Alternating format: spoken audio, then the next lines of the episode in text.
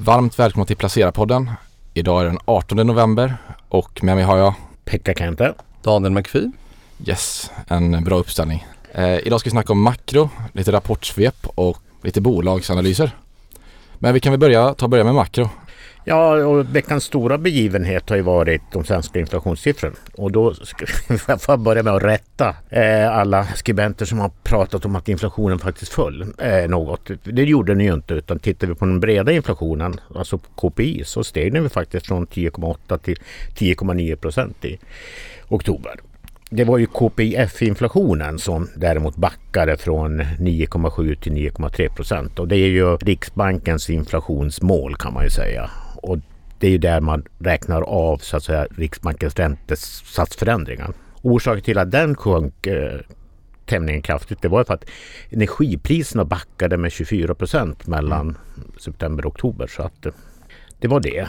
Sen det stora bekymret för Riksbanken det var ju att eh, KPIF exklusive energi steg från 7,4 eh, till 7,9 procent. Det var, det var mycket över Riksbankens egen prognos och även eh, över analytikernas prognoser. Och det är ju ett tydligt tecken på att inflationen i Sverige håller på att breddas ytterligare. Men vad är det som driver inflationen? Nej, det, det, är egentligen nästan allt ja. kan man säga. Men mycket varuinflation. Eh, Vad mycket grönsaker var det? Ja, livsmedel, priserna, grönsakerna steg ju kraftigt också. Och sen, men, men det är bredden i inflationsuppgången som är det stora bekymret. Och eh, precis när, när de här siffrorna hade släppts så trodde jag och många av mig började räkna med att Riksbanken ska höja räntan med kanske eh, ja, 0,75 minst 0,75 procentenheter i nästa vecka. Men eh, det jag tycker det, det beror lite på dagsformen. Eh, för att ECB har ju varit ute och flaggat för att de kanske ska bara höja med 50 punkter på sitt nästa möte och det tror jag påverkar Riksbanken. Men den eh, gissningen i dagsläget är väl att de höjer med 0,75 procentenheter. Mm. Och om de skulle höja då 0,5 hur tror du de skulle motivera att de lugnar sig lite? Med? Ja, nej, men dels att de gjorde en så stor höjning förra gången med, med en hel procentenhet. Och, och jag tycker att det finns ju skäl att, att ta det försiktigt ändå. Eh, vi har troligtvis en ganska kärv vinter framför oss. Så att varför ska man eh, spida på konjunkturnedgången ytterligare? Men finns det någon risk att inflationen biter sig fast? Ja, det tror jag det, det, är en påtaglig risk. Men frågan är ju liksom vad, vad Riksbankens eh, räntehöjningar kan göra åt detta på kort sikt. För nu har vi haft lite mildare klimat och lite lägre energipriser. Ja. Det kan man ju bara känna från och med idag nästan, eller igår, ja. eller helgen, att ja. eh, de priserna kommer komma upp. De, säger, de har egna prognoser om att det ska toppa i februari. Vad tror du om den sannolikheten? Eh, ja, att, att inflationen kommer att gå ner i början på nästa år. Det är ju högst sannolikt. Men det beror ju egentligen bara på baseffekter. Alltså att jämförelsetalen bakåt blir mycket högre. Det finns ett annat skäl till att man kanske inte ska dra till med alltför stora räntehöjningar. Och det är ju att löneförhandlingarna har ju tagit fart nu. Och jag tycker det är väl onödigt att provocera eh, arbetstagarparterna genom att lägga ytterligare sten på bördan. Mm, så att, eh, jag tycker väl att de lönekrav som har kommit har varit förhållandevis återhållsamma givet läget. Man har ju pratat om 4,4 procent eh, lönekrav och det tycker jag väl inte är skrämmande högt om vi tänker att arbetsgivarna säkert får ner det, det talet lite. Men inflationen kommer att bita sig kvar. Mycket beror ju på liksom hur hyrorna kommer ut, alltså vilka hyreshöjningar det blir och vilka energipriser vi får se nästa år. Och sen finns det ju någon sorts tröghet i systemet att det här, de här, den här inflationsimpulsen som kommit väldigt snabbt och väldigt starkt den ska ju arbeta sig igenom hela det ekonomiska systemet. Och det tror jag det också kan bidra till att det hänger sig kvar. Alltså klart över Riksbankens inflationsmål men klart lägre än eh, den inflation vi ser idag. Och du är inne lite på det här med att en av anledningarna till att inte höja 50 punkter är med hänsyn till konjunkturen. Hur mycket tror du Riksbanken faktiskt tar hänsyn till konjunkturen? Ja men det gör de ju absolut. Eh, det, det som talar emot så att säga att de tar jättestor hänsyn till konjunktur det är att arbetsmarknaden i Sverige fortfarande är mycket stark. Nu får vi nya arbetsmarknadssiffror idag. Men vi ser ju inga större tecken på att det håller på att mattas. Och det är väl kanske den viktigaste variabeln för Riksbanken om vi bortser från inflationen. Det är ju hur arbetsmarknaden går. Hur många punkter prisar marknaden in nu? Ja, det, nej men alltså det senaste jag har sett då, då är det väl liksom, eh, man börjar ju prisa in, det är minst 50 punkter då. Men eh, med en ganska hög sannolikhet för 75. Och det finns ändå fortfarande så att man pratar om 100 punkters höjning och att det är det skulle Ja, kunna ske. ja, till exempel SCB kom väl ut med någon kommentar igår och de sa ju att det var 50-50 mellan 75 och 100 punkter ungefär. Så att eh, analytikerkåren är väl kanske lite mer eh, på det här att det blir en rejäl räntehöjning. Mm. Och då skulle man kunna lugna sig ännu tidigare tror du med räntan eller om man skulle slå till med 100 punkter nu. Vad tror du händer framåt sen om man nu vågar ta i så mycket? Ja, eh, då tror jag att eh, då är det ju max 25 punkter i början på nästa år. Liksom. Mm. Om det ens är det. Liksom. Det beror mycket på hur konjunkturen utvecklas. Men eh, ja, det vore ju grymt med 100 punkter tycker jag inför, inför julen. Ja, Ja, nej det känns ju spontant som att det vore rätt tufft om tryckte till med 100 punkter. Men det är väl kanske det de behöver. Ja, jag tycker inte det. Men, men eh, det finns ju många på marknaden som tycker att man kan drämma till så mycket. Det är ju inte, vi pratar fortfarande om ganska historiskt låga räntenivåer. Och historiskt hög inflation. Och historiskt hög inflation, precis. Mm. Ja, nej, men eh, om vi ska prata konjunktur så tycker jag det är intressant det som kommer från USA. Alltså, nu har ju börserna varit lite försiktigare den här veckan efter tjurrusningen efter de amerikanska inflationssiffrorna. Och det är ju att det var lite mer aggressiva toner från Federal Reserve. Att man kanske eh, att det är alldeles för tidigt att börja strama eller äh, lätta på åtstramningarna och att det kan mycket väl bli en ytterligare en höjning med ja, med 0,75 procentenheter eftersom man inte tycker att man har fått den åtstramande effekt som man ville ha. Och sen eh, kom det starka detaljhandelssiffror från USA igår. Ytterligare skäl till att man från Fed borde vara beredda på att eh, strama åt ganska rejält. Men eh, tioåringsräntan har ju gått upp några punkter men ligger fortfarande på låga 3,78 procent. Som sagt var det för några veckor sedan var den uppe i 4,35. Och, eh, så att eh, Och vad är förklaringen till det? Är det konjunktur? Nej, men del, dels för att, för att man faktiskt tror att Federal Reserve börjar närma sig slut på räntehöjningarna. Men sen är det väl också en signal om att man tror att konjunkturen kommer att försvagas väsentligt under 2023. Liksom. Ja, men vi har ju sett techbolag här som har sagt att de ska göra sig av med personal och sådär. Men annars så är väl det enda vi har sett ett fortsatt stark arbetsmarknad eller? Ja, ja, väldigt starka eh, sysselsättningssiffror och som sagt det, det, det, jag vet inte hur många lediga jobb det går på varje arbetslös amerikan men det är liksom, i alla fall dubbelt så många lediga jobb som finns arbetslösa fortfarande. Eh, så att det är en, det är en ganska lång väg att vandra innan man får, får någon balans på arbetsmarknaden. Mm.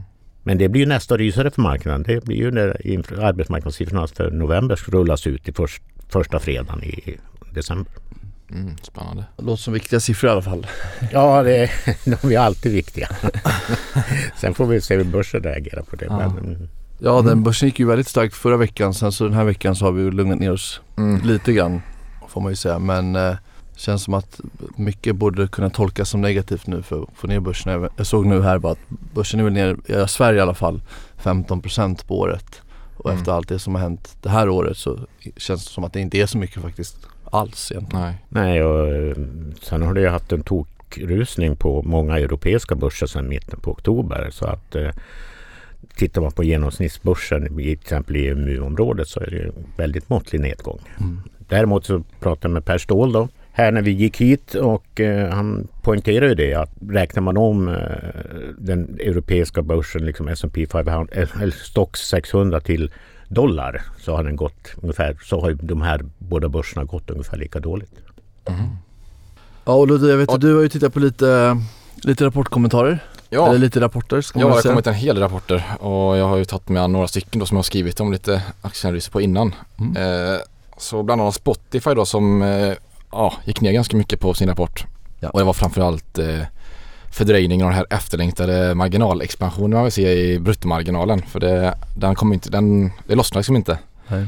Och det är anledningen som Spotify säger då det är ju högre avgifter till rättighetsinnehavare, alltså Mm. skivbolagen och så vidare. Och sen eh, en svagare annonsmarknad då och lite valutaeffekter. Men annars tycker jag att Spotify, de tappar ju inga användare. De växer fortfarande användarantalet med 20% och sen, alltså man räknar från motsvarande period förra året. Så nu uppgår eh, må- antal månatliga användare till eh, över 450 miljoner. Oj! Så det är väldigt mycket. Och vart ser de störst tillväxt idag? Ja, är Latinamerika och eh, Indien som Ja. hade bra momentum i rapporten. Det är annars 40% av de som har Spotify som har premiumabonnemanget så är det ju 60% liksom som har det här den gratisversionen som är Ja jag tycker den är hemsk att lyssna på för det är ju reklam konstant. Mm. Eh, Men i Sverige är vi bra att betala. Hörde jag Ja i Sverige är vi jäkligt bra på att betala. Mm. Och man vill ju få över de här då till eh, premium då som vi betalar för. Men man ser också att man är inne i en investeringssypercykel Mm. eh, där man gör jäkligt stora investeringar nu för att kunna få upp den här bruttomarginalen. Man investerar i poddverksamheten, i digital infrastruktur och även ljudböcker nu då. För man, nu i detta kvartalet så lanserar man ljudböcker på marknaden i USA. Och där kör man styckförsäljning av ljudböckerna. Utan man kör, så man kör inte det här som Storytel och Bookbeat gör utan man betalar liksom för en bok i taget i Spotifys app.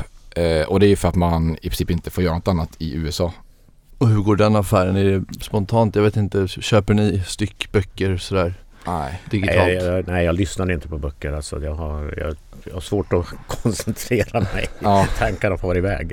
Ja det är betydligt lättare med poddar alltså. Mm. Det, och det säger de också att poddverksamheten är ju, växer ju väldigt bra också. Ja, Så den det- känns det som att många faktiskt har börjat använda på riktigt. Jag själv till exempel använder bara den nu istället för podcaster-appen. Och det är liksom en av de, de grejerna som ska få upp den marginalen då på sikt. Så marknaden tror väl inte liksom på detta. Eh, aktien handlas liksom till eh, 0,9 gånger omsättningen på 2023. Så det är väldigt låg värdering och aktien är nog ner nästan 70% i år.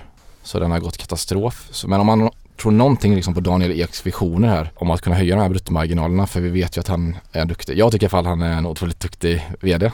Tror jag verkligen att det kan finnas potential i aktien men sen å andra sidan så finns det väl samtidigt risk för att det blir en riktig pannkaka om det inte går vägen. Hur länge bedömer de den här superinvesteringscykeln ungefär? Har du någon uppfattning? där? 2022 säger de att det ska vara, det, nu är det liksom mest och 2023 ska marginalerna börja lyfta. Mm. Men det är klart de kommer investera väldigt mycket i 2023 också. De har väldigt ambitiösa mål de här kommande åren. Och sen tror jag även att generellt sett att hela vad ska jag, ljud, ljudstreamingsbranschen har det mycket lättare än till exempel videostreaming. För du har ju ganska liknande innehåll på alla plattformar, alltså Apple Music, Eh, Spotify, så du behöver inte ha flera stycken utan du har ju bara en förmodligen. Det finns säkert ett antal personer som har flera. Som jag tror man är mindre benägen på att ta bort den av dem. Snarare som en till exempel Netflix och Disney Plus och Amazon Prime. Du kanske inte har tre stycken då utan du kanske tar bort den. Och man ser ju inte något kundtapp än, alltså i Spotify. Och det tycker jag är styrketecken. Och så ser man ju även att alltså till exempel Apple Music har höjt priserna. Så nu är ju Apple Music dyrare faktiskt än Spotify. Och det tror jag också är lite positivt nu för Spotify. Men vi får se. Jag tycker ändå att det är bra. Det finns nog en bra risk-reward i aktien inför 2023 här. Om inte allt går åt skogen. Och du har en köp på den? Min köp är fortfarande kvar. Men du har kollat på Blackline, ett företag du har skrivit en köpanalys på. Ja, exakt. De kom ju också med en rapport här förra veckan och den var väl inte så jättespännande så men det finns ändå lite delar som jag tycker man kan ta med sig. De eh, jobbar ju då med automatisering av eh, bland annat backoffice-system men också lite mot Fortnox-hållet med ekonomi och redovisningssystem. Men konkurrerar de mot Intuit och de här på amerikanska marknaden? Ja exakt, men de här är betydligt mycket mindre kan man säga. Vad är börsvärdet på Blackline? Det ligger väl ungefär runt 4 miljarder dollar. Så det är ett ganska litet bolag i, i amerikanskt mått mätt. Då. Det, det som är fördelen för dem det är att de har ett ganska brett produktutbud. Och det gör att de har ju sett efterfrågan på deras automatiseringstjänster egentligen till och med ökat nu. Eh, Och deras kunder mer efterfrågar produkter där de till exempel kan få en bättre förståelse för sina kassaflöden och se vad det är som binder kapital och på så sätt optimera rörelsekapitalet. Mm. Eh, Så att även om säljcykler och sådana delar tar längre tid så ser de fortfarande hur vissa produkter ökar i efterfrågan. Alltså för, företagen effektiviserar mer sina verksamheter i, nu när det blir sämre tider. Ja men exakt. Så, det gynnar dem lite på det sättet. Ja exakt. Så att intäkterna växte med 23% och det var väl ungefär i linje med analytikernas förväntningar. Eh, Den justerade vinsten dock var upp, eh, var nästan dubbelt så bra som eh, analytikerna hade förväntat sig. Och samtidigt så ökar de storleken på sin genomsnittsaffär. Mm. Och sen en, en del som jag tycker var mer intressant är att de fortsätter öka antalet stora kunder. Nu har de 40 kunder som genererar mer än en miljon dollar i återkommande årlig intäkt. Och, och det var en tillväxt med 58% mot förra året. Ja, eller förra. Ja, men så det är ju bra och de är ju väldigt diversifierade när det kommer till vilka sektorer och geografier och så. Så att de drabbas ju inte av om det är någon enskild bransch som har problem eller så. Utan det finns alla möjliga typer av kunder som de har. Gick de upp mycket på rapportdagen? Ja men de var nu upp 10% eller något sånt Ja, där. härligt. och så fortsätter de väl, ja de gick väldigt starkt den dagen när allt annat gick väldigt bra. Mm. De är fortfarande ner väldigt mycket på året eh, ska man ju säga. Jag tror att de är ner säkert 40% eller något. Men du håller kvar köprekommendation eller är det läge att sälja nu och ta hem vinsten? Nej men den ligger kvar. Jag tror att det är en, ändå en, det är ett intressant bolag. Eh, det är ett uppenbart behov de fyller och eh, jag gillar modellen så att det, det får ligga kvar. Men det är klart att värderingen kanske är lite ansträngd. Mm. Men på, på, lång sikt tror jag att det kan bli bra. Mm. Spännande. Mm. Och du hade kollat på Airbnb va? Yes, eh, rapport från Airbnb kom också någon gång här i början av månaden och den var alltså väldigt stark. Men det var egentligen bara guidningen och det är ju väldigt många så här högvärderade, eller högvärderade techbolag som tar väldigt mycket stryk när guidningen är lite sämre än vad analytiker konsensus tror. Men det, i den här rapporten tyckte jag väldigt starkt. Alltså de genererar jättemycket fritt kassaflöde. Mm. Alltså det är ju en kassaflödesmaskin kan man säga, Airbnb. Väldigt kapitalet modell. De äger ju inga fastigheter. Det är, det är egentligen marknadsplats på ja, individer som vill hyra ut sina bostäder till eh, sådana som vill hyra dem. Och eh, väldigt lönsamt som sagt. Växte väldigt bra. Men ändå gick ju den ner då för att det var den här lite svagare guidningen. Men de ser inte än så länge att det är några konjunktursvacka liksom. Att det är det som man oroas över då. Men man ser dock en intressant grej här att under 2008 så såg man att antalet hyresvärdar ökade ganska kraftigt för att det var sämre tider och försöker man hitta sidoinkomster då för att kunna tjäna mer pengar. Och det ser man ju en liknande trend nu. Eh, så jag tror kanske utbudet på Airbnb kanske blir betydligt bättre och då kanske det kommer lite billigare alternativ också. Som vi, så det kanske kan gynna dem på, på ett sätt men samtidigt är det ju ingen mening ifall konsumenten skulle bli otroligt pressad. Så jag tror framförallt att det är den här eh, oron för konsumenten som eh, pressar aktien. Det är ju verkligen så här starka nätverks, nätverkseffekter som jag har snackat om innan.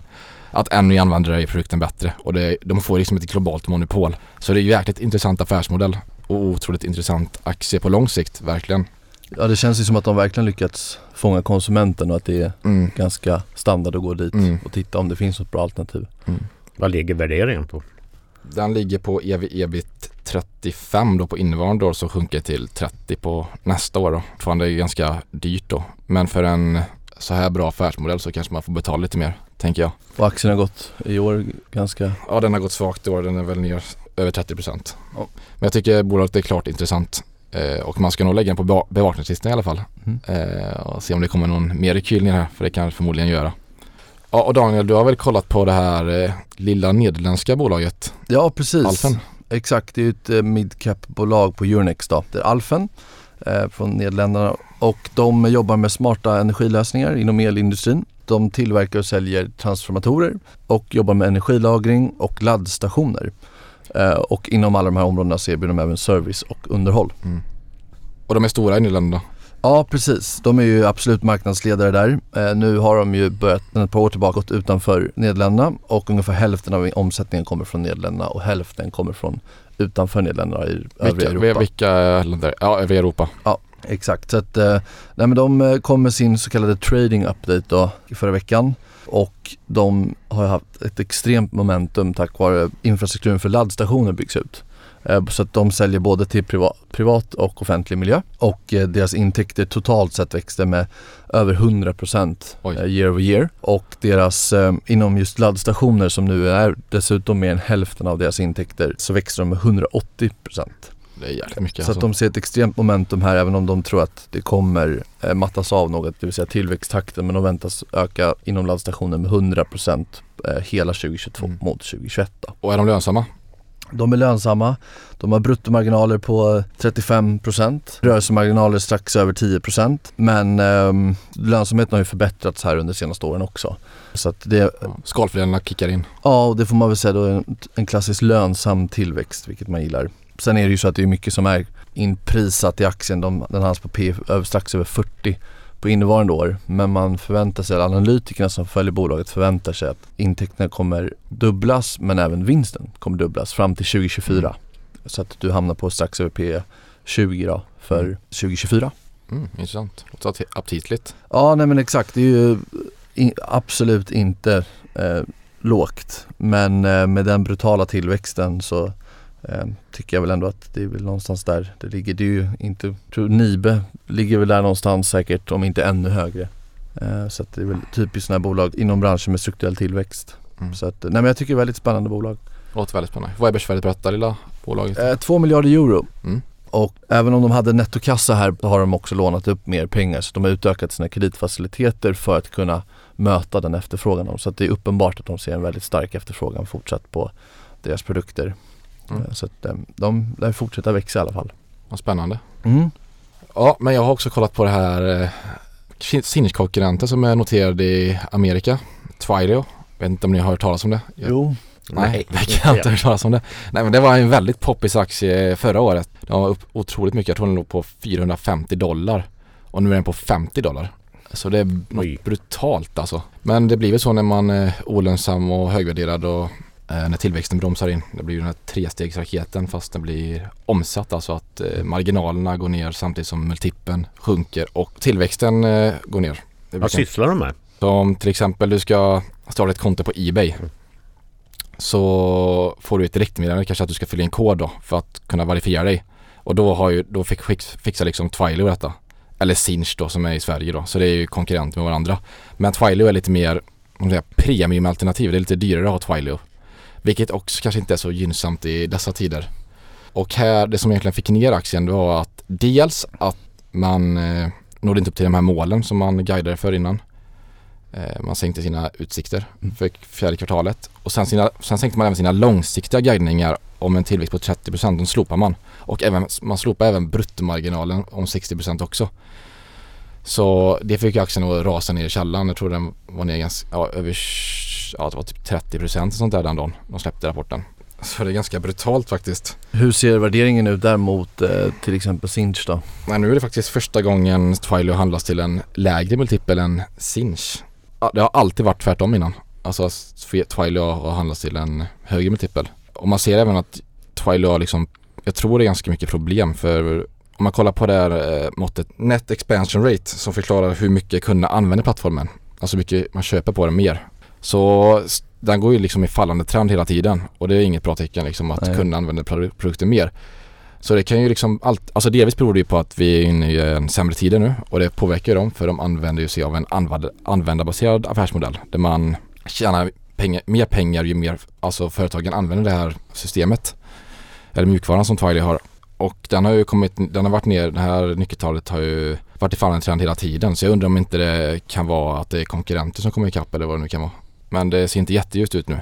Men någonstans blir ju aktien för billig. Så det finns väl möjligt att den här kan sticka om, ja, om räntorna skulle falla och det skulle bli lite bättre tider. Men det är... Men guidningen lät ju inte så kul. Nej, det var inte alls bra. Om man tar bort den helt. Nej. Så man, nu guidar man istället för en tillväxt på 15 till 25 procent istället för 30. Men det är ju väldigt brett spann så jag vet inte riktigt vad man... Det är ju ganska brett faktiskt. Men bruttomarginalen som sagt de slopar dem helt och hållet så kanske blir prispress i hela branschen. För det, det finns förmodligen inte så stor pricing power heller i den här branschen för då är det bara byta till konkurrent om de höjer priserna för mycket. Så nej, inte så bra där. Nej. Men kan nog bli bättre förhoppningsvis. Inget du har köpt på låter det nej, som. Nej, det har jag inte. Satt en avvaktare innan. Nej, men uh, har vi gjort några egna affärer i, i veckan då? Nej, jag har som vanligt en tråkig av oss och jag har inte gjort någonting. Jag fick inte, satte inte Lufthansa en bra rapport här för några veckor sedan? Jo då, jo då. Eh, jag har inte läst den så noga så jag ska inte kommentera den för mycket. Men aktien har ju gått bra. Ja. Det var ju skönt. Mm. En, äntligen en vinnare. Snart en hundrabagger. Nej, knappt, knappast. Men eh, det är väl, eh, jag tror ju på det långsiktigt att det, det är väl ett av de här stabilare flygbolagen i Europa. Mm. Och, har även en lågprisdel. Så att eh, jag hänger kvar i mm. aktien. Mm. Jag har faktiskt inte heller gjort någonting den här veckan. Jag eh, tyckte ändå att den här studsen den var väldigt stark som kom förra veckan. Och den studsen som kom sista dagen där på inflation, amerikanska inflationssiffrorna, den var inte jag riktigt med på överhuvudtaget. Och sen dess har jag känt att jag vill vänta lite grann innan man köper mer för att se lite grann vart det här landar. Mm. Um, det känns inte omöjligt att vi kommer ner. Nu har vi kommit ner lite den här veckan men det är inte så mycket alls egentligen. Eh, om man ser till det som har hänt runt om oss. Men eh, så att jag väntar lite men eh, inga, inga affärer. Jag har inte sålt något heller i och för sig för den delen ska jag säga. Mm. Så att ingenting. Okej. Du då Ludvig? Alltså det var ju ett bra tag sedan jag var med på den här. Ja, du, måste ha gjort en massa affärer. Det var fyra veckor sedan nästan. Ja. Jo, jag har ju köpt det här lilla, lilla bolaget Technion. Ja, spännande. En liten serieförvärvare. Ja, de är, förvärvar ju bolag i väldigt tråkiga branscher. Att liksom göra det är en mot liksom anser jag. Att hitta de här tråkiga branscherna som är väldigt nischade. Där, ingen, Eh, annan, där ingen annan tittar kanske. Nej, exakt. Så det har jag köpt lite aktier i. Och sen har jag ökat lite i Spotify men det var inte, det var nog ett ganska bra tag sedan det var rapportdagen här.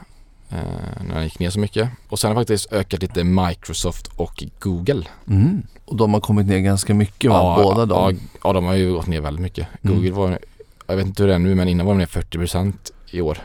Och det är ganska brutalt för ett sånt här stort bolag med sådana konkurrensfördelar som de har. Så det är något form av bottenfiske. Ja det är det. Men detta är på lång sikt. Det här ska vi hålla hela livet nästan. Förhoppningsvis. men annars är det inte något mer än det.